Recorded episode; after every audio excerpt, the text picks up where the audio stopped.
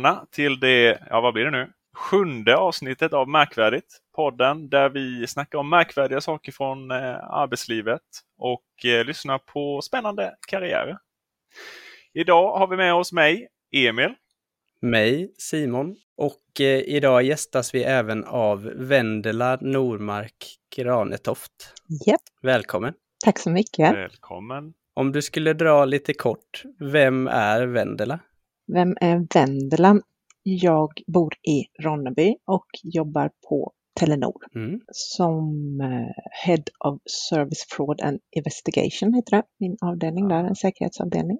Av ren nyfikenhet, finns det en svensk beteckning på det också? Bedrägeri och utredningsavdelningen kanske man skulle kunna kalla den. Mm. Oj, det lät läskigt. Det beror på vilken sida om staketet du befinner dig på. Det ska vara läskigt för dem som inte beter sig korrekt, men, men för våra alla andra kunder och sånt så ska det ju vara en Ja. trevlig och angenäm upplevelse att vi faktiskt har bra koll på buset istället så att de slipper betala för sånt som de springer iväg med. Det är väldigt kul att få vara med här idag därför att när jag pluggade på BTH så läste jag bland annat ledarskap och en av uppgifterna där det var att jag skulle ta och söka upp fem stycken personer som hade jobbat som ledare länge och intervjua dem bara för att få reda på mer om deras vardag och deras resa dit. Och Mm. de jag sökte upp, de var ju superupptagna, men de tog sig tiden då. Det är någonting som jag var otroligt tacksam över. För de insikterna jag fick med mig därifrån, de gjorde väldigt stort avtryck på mig och inspirerat mig. Så att Mm. eh, det är spännande och lite märkligt att sitta i andra änden nu, men, men eh, jag Mm. hoppas på att kunna, kunna ge tillbaka någonting i andra änden där. Det är superhärligt att, att ha det här. Alltså en av anledningarna till varför vi gör detta, det är inte bara för att ge någonting till alla som lyssnar där ute, utan jag och Simon tycker det här är superspännande. att ha det här och få lyssna på din resa och ja, nej men på sätt och vis att nu har ju vi tagit in en ledare här som, eh, som vi ska lyssna på och lära oss mer av. Liksom. När du var liten, eh, vad ville du Mm. bli när du blev stor? Mm, jag hade en väldigt tydlig kluven bild därför jag ville bli journalist och sjuksköterska. Mm. Det var väldigt specifikt ändå. Ja, jo, nej, men det, det var områdena där, att jag visste om att det var, var flera områden som tilltalade mig. De, de flesta har ju förmånen att tycka att det är en sak som är intressant, men eh, Mm. sån har jag väl aldrig riktigt varit. Hur har det förändrats under tidens gång? Jag tänker gymnasievalen till exempel. Jag funderar lite grann på det här där med att de, de här gamla, därför att vad blev det av det och vad, vad blev innehållet? Men, men grunderna är ju egentligen kvar. För att för mig är det ju kommunikationen och omsorgen för människor som är två av mina tre absolut viktigaste drivkrafter.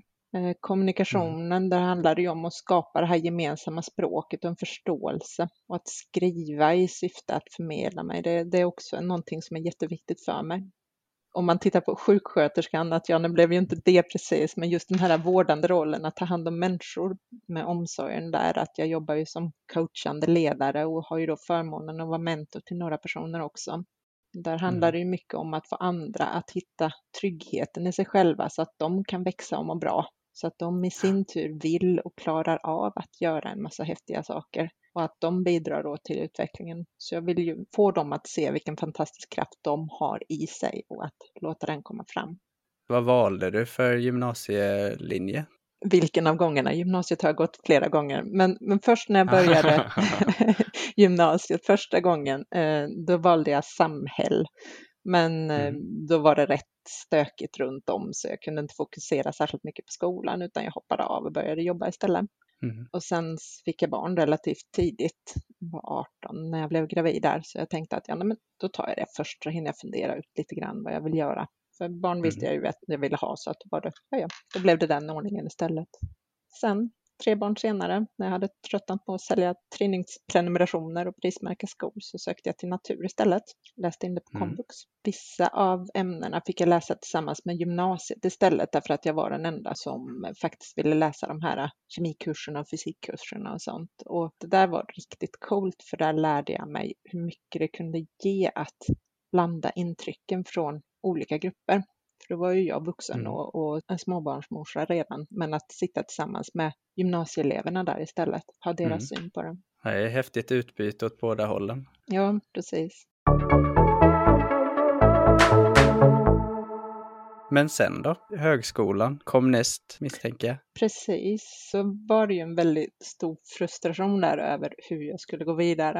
För jag Mm. visste ju att jag hade starka intressen inom både språket och logiken. Jag ville ju jobba med både och, men hur skulle man hitta den perfekta rollen för det då? Mm. Och först var det att ja, men ska jag välja bort det ena? Men då tyckte jag att nej, men jag kommer ju bara känna mig halv om jag eh, liksom ska sluta med det ena. Men tänkte jag att ja, men då satsar jag på att ha två sysselsättningar istället så går det nog lättare att ta sig framåt. Och eh, då var det där med att ja, men logiken gentemot språkligt var det lättast att ha som hobby. Så att då tänkte jag att nej, men jag, jag satsar på att ha logiken som betaljobb och så ha eh, språkintressen som hobby. Då. Så att då gick jag vidare med en ingenjörsutbildning. Det fanns ingen civilingenjörsutbildning på BTH då. Den etablerades under tiden som jag gick då, utan då, då fanns det fyra olika att välja på. Det var dataingenjör, polymer, maskin och den fjärde kategorin kommer jag inte ihåg vad det var för någonting nu. Men då tänkte jag att dataingenjör, det var nog den mest gångbara i alla fall. Jag hade ju precis tagit Mm. mitt datakörkort, så då var det väl bara att köra. Mm. Mm. Om vi förflyttar oss ifrån eh, skolans värld och in lite mer i karriären och vad som hände efter skolan. Mm. Om du skulle vilja beskriva lite hur din eh, jobbresa har sett ut så här långt. Mycket splittrad. Jaha. såklart, eller Ja. mycket berikande ska jag väl säga. Först efter skolan så hoppade jag på ett jobb som drive-testare. Vi körde runt och satte upp samtal helt enkelt. Det var precis i början på utbyggnaden av 3G-nätet. Och det här var ju ett helt vansinnigt jobb att haka på gentemot liksom hur, hur min privata situation såg ut just då. Men det, det var en chansning. Jag tänkte att det här kan vara en bra väg in. Och det var det också. Så då började jag som radioplanerare efter tre månader på ett företag som heter Tregis och jobbade där en sex år som radioplanerare. Alltså att jag planerade och byggde 3G-nätet här nere i södra Sverige. Så det är det vi har att tacka Mm. för eh, att 3G Ja, etablerades. precis. precis. Sen så när nätet började komma på plats så då blev det lite mer bara att bygga inomhuslösningar och sånt till kunder och sånt. Men då gick jag vidare och blev kvalitetsansvarig för nätet där och det var ju en sån cool grej alltså när vi fick in vårt första kundklagomål. Någon förväntade sig att det skulle fungera och reflekterade över att Ja. det inte gjorde det. Så det var, Mm. det var riktigt häftigt. Sen så centraliserade de verksamheten, det var ju ett rolloutbolag och då flyttade jag upp till Telenor istället. Och där Mhm. började jag jobba som eh, med processen, gränssnittet mellan kundtjänst och nät. Kundtjänst kunde ju kunderna och kunde prata med dem och teknikerna kunde nätet. Men de här två grupperna kunde ju inte prata med varandra överhuvudtaget. Så att då, Nej, då är det ju just det här med kommunikationen där. Eh, Mm. Så att jag jobbade på en avdelning där som, som var porten in till nät. Jobbade mycket med vilka frågor ska vi ställa i kundtjänst för att teknikerna ska få den informationen som behövs. Sen gick jag vidare till eh, nätstatistik, hur vi ska övervaka och rapportera hur nätet mår. Tog fram lite kul verktyg och monitoreringar där och såg till att automatisera det hela. Så då behövdes jag ju inte där längre och då fick jag gå vidare till en annan tjänst istället. Det är mycket så jag jobbar, att, att jag ska jobba bort mig själv. Mm. Det ska, det ska Det, funka. du Eh, kom, alltså- du såg, du Mm. segrade och sen... Ja, ja nej, precis. Och sen gick du. Ja, sen så går jag vidare till nästa grej. Och då jobbade jag med, eh, vi höll på med en fusionering av uppköpta bolag. Att vi, vi köper ju in och köper upp bolag. Då är ju det annan typ av utrustning som ska övervakas och ingå i serviceflödena. Och det är ju hela vägen från kundtjänst måste kunna svara på frågor om de här nya produkterna och tjänsterna teknikerna måste kunna operera i dem och övervaka dem. Så att det är mycket det där med och är personal som ska tas över och bara en sån sak som att Mm. var ska de sitta någonstans? Har vi plats nog på Mm. kontoret? Så att det var också väldigt spännande att få en inblick i det. Sen var det vidare till nästa kast och då hoppade jag in på IT istället. Jobbade som risk manager. Då var det mycket med eh, kontinuitetsplanering, utveckla incidenthanteringsprocesser. Så det var också spännande och då, då började det verkligen komma ut det här med att jag fick ett bredare avtryck i organisationen. Började jobba mer tillsammans med flera avdelningar. Så det var en jättespännande tjänst. Men där kom en omorganisation så den tjänsten försvann tyvärr. Men då kom jag över till finans istället via bedrägerihanteringen som låg där då. först när de ringde upp från finans och undrade om jag ville komma dit som ledare så undrade jag, men har ni inte ringt fel? Hallå, jag är nätingenjör, vad ska jag på finans att göra? Mm. Men, men jag hade precis anmält mig till, eh, skulle läsa ekonomi på högskolan, för jag hade upptäckt Mm. att jag behövde ju ändå ha det där. Så jag hade ansökt till det och hade kommit in, så jag skulle börja där bara precis någon månad senare. Men nu tänkte Var jag, det, var det BTH eller? Eh, Ja, precis. Men nu tänkte jag att ja, då kan jag väl lära mig på plats istället. Så att då jobbade jag där istället. När jag hade jobbat där i ungefär ett år så fick jag erbjudande om ett riktigt coolt projekt om att slå ihop fyra avdelningar som låg spritt över hela bolaget och jobba ihop det här till en avdelning då som också skulle bantas, eh, få, få upp modernisera arbetsrutiner och sånt. Så då jobbade jag stenhårt med det här två år och det blev superbra faktiskt. Men det blev ju också klart.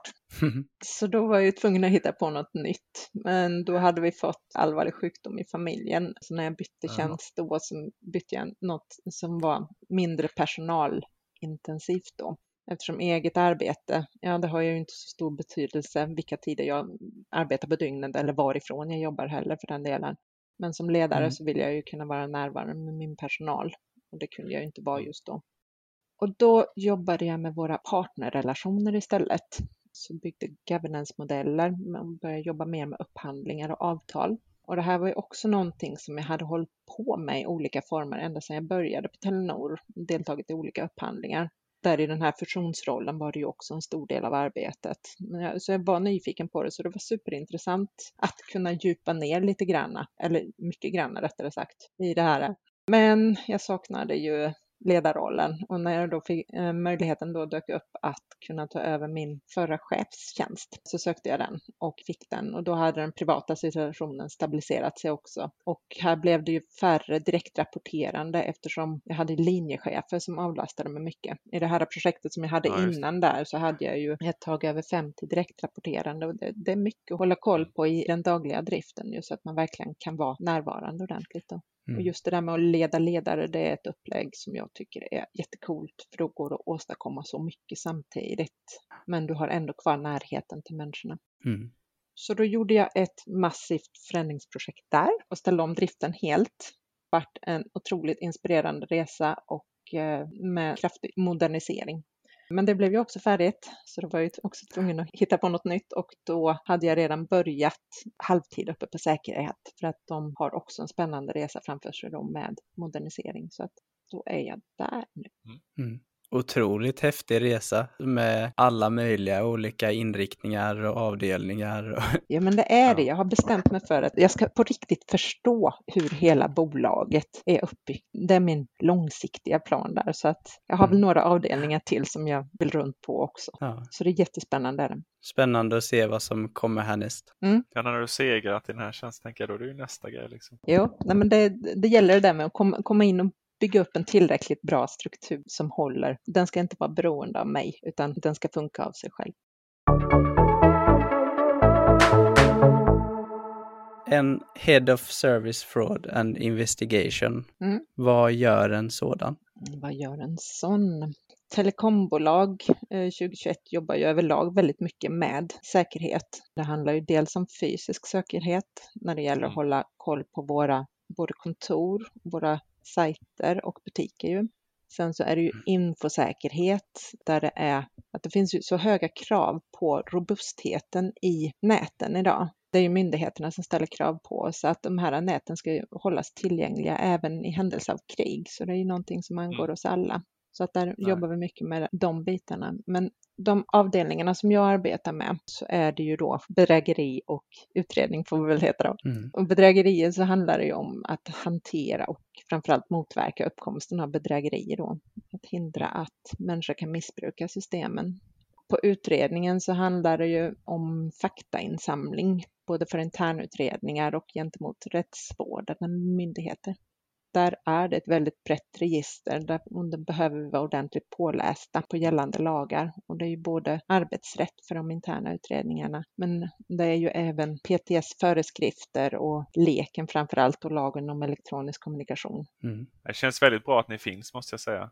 Alltså, det här med data har ju varit på tapeten nu i många år och hur den används och bedrägerier är ett sätt att förstöra någon annans liv egentligen. Alltså så, och Mm. Ja, visst är det det. svindla massa pengar och det känns väldigt bra att höra att, att din avdelning faktiskt finns och verkar och ha en så kapabel ledare i spetsen. Mm. Tack. Jo, nej, det är ett spännande område och jag tror verkligen att vi kan göra skillnad för många där ute och de flesta kommer aldrig någonsin att märka av det och det är ju det som är Nej. meningen. Mm. Hur ser en typisk eh, arbetsdag ut då? Ja. Nu har ju Corona målat det rätt så ordentligt gissar jag. Men... Ja, jo, det har det ju gjort, men, men själva grundstrukturen i det ser ju, ser ju ändå hyfsat likadan ut. Så att jag tränar före jobbet för att jag vill hinna vakna till och väcka både kroppen och huvudet ordentligt. Så att eh, sen så Ja. startar jag upp vid åtta och börjar med att kolla av teamen då. Och så sen så viker jag tid på morgonen där för lite klurigt tankearbete. För det är då jag är som mest skärpt. Mm. Så att jag ser till att äga min kalender och verkligen ta den där tiden för det då. Mm. Mm. Och då handlar det mycket om att skapa ramverket för hur vi utför och följer upp vårt arbete helt enkelt inom avdelningen. Det kan handla om att ta fram nya mätetal eller rapporteringsmodeller, processutvecklingar och systemutvecklingar och sånt. Mm. Sen vid tio så brukar, då brukar det vara svårt att ducka dem, så då drar förmiddagsmötena igång då. Men förmiddagarna så brukar det vara mycket fokus på nätverkande. En diskussion om Okej. hur vi kan jobba tillsammans med de andra avdelningarna och även med de andra länderna. Mm.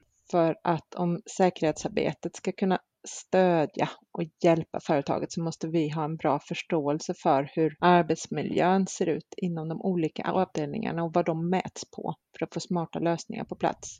Om vi till exempel tittar på bedrägerihantering vid nysälj.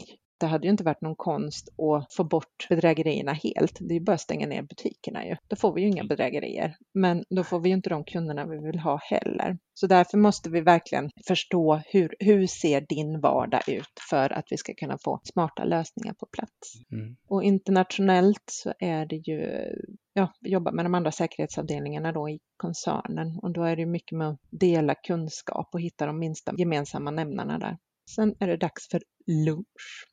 Nu när det är corona så är det viktigt att försöka komma ut och gå en runda. I vanliga fall så springer man ju mellan Mm. mötesrummen men nu klickar man ner det ena mötet och upp nästa så att viktigt att komma upp och gå lite. Och Mm. eftermiddagen, det brukar också vara rätt mycket möten, men då är det ju mer av samverkan och samverkan med myndigheterna och arbetsmöten, incidenthantering och så massa uppföljningar också därför att jag har ju massa projekt igång där det är olika personer som jobbar med olika saker och då måste jag ju kika in och se så att takten hålls och, Mm. och så att vi verkligen är igång med det också. Så mycket, mycket korta avstämningar brukar det vara. Och då är det ju även de här mm, kommunikationsuppgifter, om vi kallar dem så. Vi är ute och informerar till exempel nya kundtjänstagenter om vad det är för någonting de ska hålla koll på och sånt.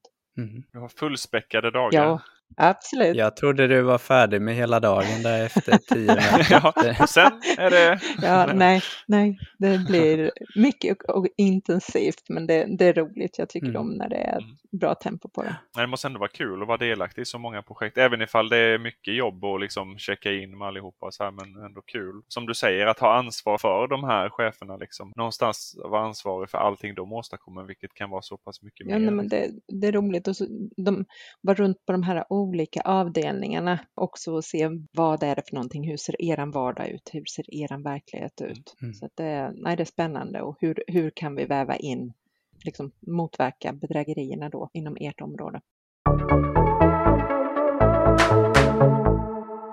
Det leder oss lite in i nästa fråga och det är vad är de största utmaningarna med ditt jobb? Prioritera. Mm. För jag måste ju balansera mina måsten med mina behöver och mina villhöver. Mm. För jag har ju redan en klar bild över vart vi ska och det är dit vi ska. Men sen så är det ju just det där med att få det att hända också och få det på plats på alla ställen i organisationen tar tid. Och så är det ju det eviga problemet med att få IT-resurser såklart. Företaget har ju bara ett begränsat antal IT-resurser och de måste ju jobba med det som ger bäst nytta för företaget. Men jag jobbar ju mycket med robotisering och digitalisering och sånt där och då är det ju först utvecklingen av de här lösningarna. Men sen så tar det ju tid att underhålla de här också, se till och har det varit någon systemuppdatering i någonting att ja, men är kanske någonting som har kraschat och då behöver det ses över och skrivas en ny beställning på det där. Så att ja, lite meck och pill vad är på gång just nu? Har du något intressant projekt eller dylikt som du skulle kunna utveckla? Vi har lite nya lagkrav som, som kommer att komma nu under året. Det är dels LEK då, elektroniska kommunikationen där och även säkerhetsskyddslagen uppdateras under året. Så då blir det en del justeringar i våra arbetsrutiner och sen så är det väldigt stort fokus på 5G-näten då, eftersom myndigheterna ställer helt nya säkerhetskrav därför att vi kommer ju använda det här nätet till helt andra saker än vad vi har gjort med våra tidigare nät. Utan då har det ju varit mest med att prata, skicka sms, det är liksom kommunikationen. Ja. Men nu det här nya nätet, alltså det, det är bilar som ska köra på det, det är ju operationer, liksom det, det är liv och död, bokstavligt mm. Och då blir ju kraven på driftsäkerheten så mycket högre också. Ja, det är spännande. Jag tror de flesta, alltså även gemene man har ju hört att ah, snart kommer 5G. Men liksom, du nämnde att ah, vi kommer köra bilar på nätet. Mm. Liksom. Men, men, men vad, vad, är liksom skillnaden mellan 4G och 5G? Det är ju, klarar ju av så mycket mer kapacitet så att du kommer ju kunna realtidsövervaka så mycket mera saker. Och det är det som är den stora skillnaden. En mm. riktigt cool sak ja. med 5G här som är bra att ta som exempel, det är ju att vårt elnät, alla stolpar med elledningarna som går genom hela Sverige. Idag så är det ju helikoptrar som är ute och besiktigar de här elledningarna. De går upp på morgonen, sätter sig i helikoptern och kör ut med elledningarna för att kolla så att allting är okej. Okay. Mm -hmm. Och idag sitter det ju då två personer i helikoptern och gör det här varje dag. Ja. Och det här ska ju göras med drönare såklart framåt. Mm. Men då för att kunna skicka över all den här datan då behövs det ju så mycket mer bandbredd än vad vi har i näten idag. Så att mm. det tycker jag är ett bra exempel på vad 5G är. Mm. Ja, det är häftigt. Riktigt ja, är supercool. Jag såg någon sån här pedagogisk, det kanske till viss del var någon marknadsföringsploj, men där folk fick spela fotboll med VR-glasögon. Ja, och så hade de en kamera som liksom filmade det de gjorde, men de var tvungna att se det de gjorde genom sändningen. Och så spelade vissa med 4G som ändå hade lite latency så att de missade bollen och sprang förbi och så. Ja. Och sen andra som hade 5G, där var det som att titta i verkligheten liksom. Mm. Jag tror jag sett någon köra någon bil också med, med 5G. Ja. Alltså på nu, bara, ja. behöver inte oroa dig liksom, man kör inte runt ännu. Men Nej. det var liksom på en bana, typ en, en racingbana liksom, där man kör runt, runt, runt. Och så kunde han liksom sitta med ett VR-headset och köra mm. runt den här banan med 5G. Mm. Hade han haft 4G, jag tror inte ens de testade det för han har väl kört in i väggen. Liksom. Mm. Nej, så att det, det är sån otrolig skillnad på kapaciteten. Är Riktigt ja. coola grejer. Nu backar vi lite, eller ganska mycket, mm. till när eh, högskolan gick mot sitt slut. Mm. När du kollade på alla olika arbetsmöjligheter och arbetsgivare, vad var det viktigaste som du letade efter hos din framtida arbetsgivare? Mm. För det första var det viktigt för mig att kunna försörja mig såklart. Det är ju, det är ju, mm. det är en självklarhet. Men ja. eh, jag ville jobba på ett företag som jag kan stå för, som, som har samma värdegrund. För jag mm. vill göra skillnad. Jag vill kunna bidra till någon utveckling, göra lite, lite bättre mm. någonstans. Och då är det ju mm. väldigt viktigt för mig att företaget som jag jobbar på också ligger i samma linje. Och värdegrund handlar ju för mig också mycket om hur företaget jobbar med de personer som jobbar där. Därför telekombranschen är ju relativt ung och har ju ett bättre genderperspektiv än många andra branscher. Och det var ju någonting jag hoppades på att kunna arbeta i mer jämställd miljö. Därför att när jag skulle söka till ingenjörsprogrammet där då på BTH och så var jag på en sån här, BTH hade ut eh, ambassadörer så jag gick på den då, genomgången som var på gymnasieskolan där. Så hade jag lyssnat på den här om ingenjörsutbildningarna och så var jag framme och pratade lite grann med föreläsaren då sen efteråt och sa att mm, jag är på gång och ska söka den här och han bara tittade på mig, nej men du kan inte söka den här. Vi, vi har ett speciellt program för kvinnor, så det får du ju gå. Wow. Och då tyckte jag liksom att... Bara, så men, kan man ju inte säga. Nej, nej det var nej. mycket märkligt. Och nu har det ju hunnit hända mycket sen dess. Jag, jag gick ju ändå ja. den vanliga eh, utbildningen ja. där, för jag tyckte, varför hela friden? Men när var det liksom? Det låter som något från 1950. Liksom. Ja visst gör det, men det här var ju 1999 så att det, det, det är 20 ja. år sedan. Så att det lever kvar. Så där, därför var det viktigt liksom att ja, men hitta en bransch där, där jag kan jobba som person. Så den, mm. den var viktig. Och långt har det kommit men fortfarande delar kvar. Men sen så är det den andra biten, förutom då värdegrunden, så är det ju den här möjligheten till fortsatt utveckling. Därför just det här med lärandet, det är en jättestark drivkraft för mig. Jag vill Mm. fortsätta utvecklas och lära nytt. Inom Telenor så har jag haft möjlighet att jobba med många olika områden som ni hörde ju. Många olika avdelningar och det passar mig väldigt bra. Har ju det här målet då att lära mig hela organisationen på sikt. Och vi har ju ett internt program också, Shape Your Journey tror jag det heter, som uppmuntrar det här sättet att växa för att de ser ju vilken merkraft det blir i att ha de breda perspektiven när vi ska fatta besluten som driver företaget framåt. Så det, och så måste jag skryta med en sak till också faktiskt som vi har. Alla anställda har, förväntas faktiskt, ta 40 timmar eh, betald arbetstid till utveckling eh, varje år. Så att så har vi en massa bra såna här studieplattformar och sånt där också. Möjlighet att gå riktigt coola grejer också. Ja. Så att, eh, nej, men då, då uppmuntrar hela företaget just det här med utbildning och fortsätta lära. Sen läser jag ju vid sidan om också. Nästa segment, där brukar vi ta upp lite, ja men det kan vara rolig jobbannons. Det kan vara en lista. Det kan vara, ja, nå någonting roligt från karriären helt enkelt. Eh, så Simon och jag tar med oss två olika grejer och sen snackar vi lite om det. Eh, och den här veckan så har jag faktiskt med mig något nytt. Och det är en egenkomponerad lista. Eh, jag kallar listan Jobbiga grejer som vissa arbetskollegor gör. Det blir en liten throwback till när vi jobbade på kontoret och när man inte jobbade hemma nästan hela tiden. Vi får se om ni känner igen det. Nummer ett då. Kollegan som värmer matlåda med fisk i fikarummets mikro. Vad säger ni om det? Det är ju jag eller du. Jag kan säga att min matlåda, vi har renoverat köket hemma så att jag bara Ja. ätit sån här frysmat köpt på affären. Ja. Och min absoluta favorit, det är fiskgratäng med någon sån här skaldjurssås. Ja. Så det här är en liten nudge nu. Ja, precis. Ska lugna liksom... nej, nej, men det, och det, det är inga problem Simon. Det är nog värre om man har liksom en fisk med sig. Liksom. Ni, ni vet vad jag menar. Man kommer så ska man sätta in sin mat och så värmer man den och så smakar maten typ fisk. För att det är någon som har, jag vet inte, exploderat sin mat i, i mikron. Liksom. Vi får se om ni känner igen den här kollegan. Kollegan som ställer kaffekoppar överallt. Mm. De är- De, är- de är fina. Ja, och, gär- och gärna med lite kaffe kvar i. Ja, precis. precis. Kollegan som ständigt använder andras kaffekopp. Nej, den... Inte? Nej. Nej. Jag, jag, har, eh, jag har en kompis faktiskt som, eh, som hade, han hade en kaffekopp eh, med sitt namn på till och med. Mm. Och så är det en kollega som använder den kaffekoppen och tappar den i golvet. Kollegan som pratar alldeles för mycket, även om man tydligt visar att man måste gå. Den är väl en klassiker. Kollegan som aldrig kommer i tid. Den är lite spännande. Där kanske man behöver ta ett, ett snack på arbetsplatsen. Men, så den är väl lite så, ja, den är lite risky att, att prata om. Men. Kollegan som ofta tar det redan uppbokade konferensrummet.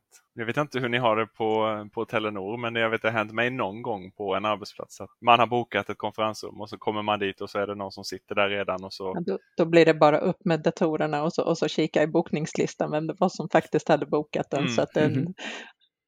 Ja, Nej, men det var, det var de jobbiga kollegorna jag Mm. hade med mig för den här gången. Det blev en hemmagjord lista. Många av de där sakerna, de, de får ju ändå bara längta tillbaka till kontoret. Kan till och med tänka mig att få fisksmak på min matlåda, liksom bara för att få komma tillbaka.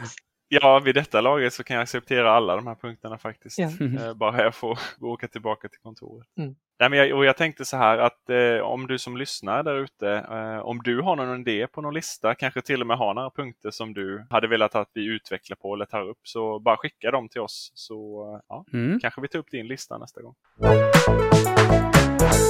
Den här veckan så har jag hittat en artikel på Aftonbladet där eh, de har stulit en lista från Glassdoor. Då har eh, Glassdoor årligen listat de konstigaste och svåraste frågorna som eh, olika storbolag i USA har testat att köra mot de sökande i intervjun. Och här är några av de frågorna på den listan. På Goldman and Sachs så har man fått höra frågan hur många kvadratmeter pizza äts det i USA varje år? Jaha. Ja, det, är- det är viktigt för, ja, eller jag vet inte, vilket jobb skulle det vara viktigt för? Xerox har frågat varför är en tennisboll luddig? Fick de svar på det? För jag är lite nyfiken nu faktiskt. Vad det kan bero på. Tyvärr, de har inte angett det här. De kan ju inte lämna ut facit samtidigt, det funkar ju inte. Nej. Nej, precis. Då kommer alla jobba på Goldman Sachs och ser. Ja. Apple har frågat om du var ett pizzabud, vilken användning skulle du kunna ha av en sax? Kan man fråga sig. Ja. Nej, men det, alltså, det är ju bra frågor på sätt och vis. Man får ju höra lite liksom, så här, kreativitet Mm. ändå.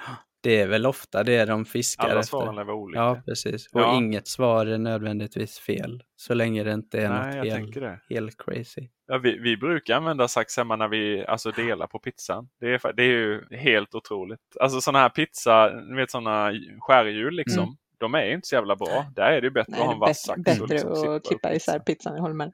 Ja, Ja. ja, så det är väl det i så fall. Ja, Nej, det hade nog varit mitt svar med. Om, om man glömt Ja. att dela den på restaurangen så är det smidigt. Så här. Kunden klagar. Airbnb, de undrade hur lycklig är du och varför? Det är väl ändå en bra, jag tänker så här, när man beskriver varför så beskriver man ju någonstans sina mål liksom i livet. Mm. Och så jag tänker runt de frågorna, tänker jag. Mm. Absolut, ja det säger nog mycket om en person. Ja. Applied Systems, de frågade har du någonsin varit på en båt? Kan vara bra att veta. Jobbar de mot alltså, att man behöver vara på en båt? Nej, det Nej. Applied System då som mjukvaruutveckling. Ja, ja. verksamhetssystem för uthyrningsbranschen. Jag gör lite reklam för här. Active Network sa beskriv för mig hur man sätter på sig ett säkerhetsbälte och fördelarna med att ha det fastspänt. ja. Det känns ändå som en bra fråga tycker jag. Ja, kan man. Vi kan diskutera det. Ja. Nej, men där, där tror jag jag avslutar min lista med konstiga... Oj, det var tur att ni inte Va? hörde det. Jag trodde, trodde jag drog igång någon sån här temamusik eller något i Zencaster, men det var en, en film som började spela i bakgrunden. Ja. Ja, Feppla med telefonen, det har man ju hört talas om och sett folk göra i möten. Men, men, men börja kolla på film, då är du riktigt uttråkad. Ja, precis. Då är det jag får be om ursäkt. Nej, det är dåligt Simon. Ja, nej men eh, jag tänker så här, vi tar och rundar av podden lite där. Eh, men, men nu när du ändå har alla poddlyssnarnas öron spända. Är det någonting som du skulle vilja belysa? Du har ju snackat redan om, liksom, om lite projekt och så här, men eh, ja, är det någonting du vill ta upp? Det händer, händer mycket spännande saker just nu, men om man tar en, en jobbmässig grej så, så har vi faktiskt Ja. precis just denna veckan landat en säkerhetscertifiering som vi är den första operatören som lyckas med i Sverige och även inom Telenor-koncernen. Ja, så att ja. eh, där är vi ju riktigt stolta över det arbetet och att, att säkerhet börjar bli så Mm. pass självklart. Det är häftigt. Det måste vara väldigt bra mot kunderna. Jag tänker om ni ändå kan vara de enda som, ja men ni är de enda som säger det, liksom kan säga att ni har den här certifieringen. Alltså det, Jo, ja, för det blir ju superviktigt därför att företagen som vi jobbar mot, de, de är ju mer och mer att de vill veta eh, ja, men hur är säkerhetslösningarna och då kunna säga att ja, men vi har det här fina kvittot på Ja. den höga standarden vi har. Så att nej, nej, men det här är riktigt coolt och som sagt var blev färdigt just denna veckan så att vi, vi är fortfarande lite så här stolt rusiga. Officiellt den säkraste operatören. Shoutout Ja, ja. Ja, precis. Ja. Så får vi se hur det kommer att börja synas reklam och sånt sen framåt. Så att, nej, nej, men det, ja, nej, men det är faktiskt riktigt cool grejer. Ja. Mm. Mycket hårt arbete bakom. Nu, nu kanske inte du vill att man kommer i kontakt med dig, men om du Jo, vill det. det är klart jag eh, vill. ja, Ja. Men eh, om man vill komma i kontakt med dig, hur når man dig då? LinkedIn är nog enklast. Där Ja, finns jag. Och då heter du Vendela? Normark Granetoft. Ja. Det finns, finns inte så många med det namnet. Så att Nej, jag tänker det. Ganska Det, det enkel fungerar att ju hitta. jättebra som det. Ja. Ja. Skulle ni vilja komma i kontakt med oss så eh, har vi våra sociala kanaler på markvardigtpodd. Eller så kan ni nå oss på mail. Där heter vi markvardigtpodd gmail.com. Som vanligt, tusen tack för att ni har lyssnat och eh, tack Vendela för att du gästat oss i detta avsnitt. Tack så mycket för att jag fick komma.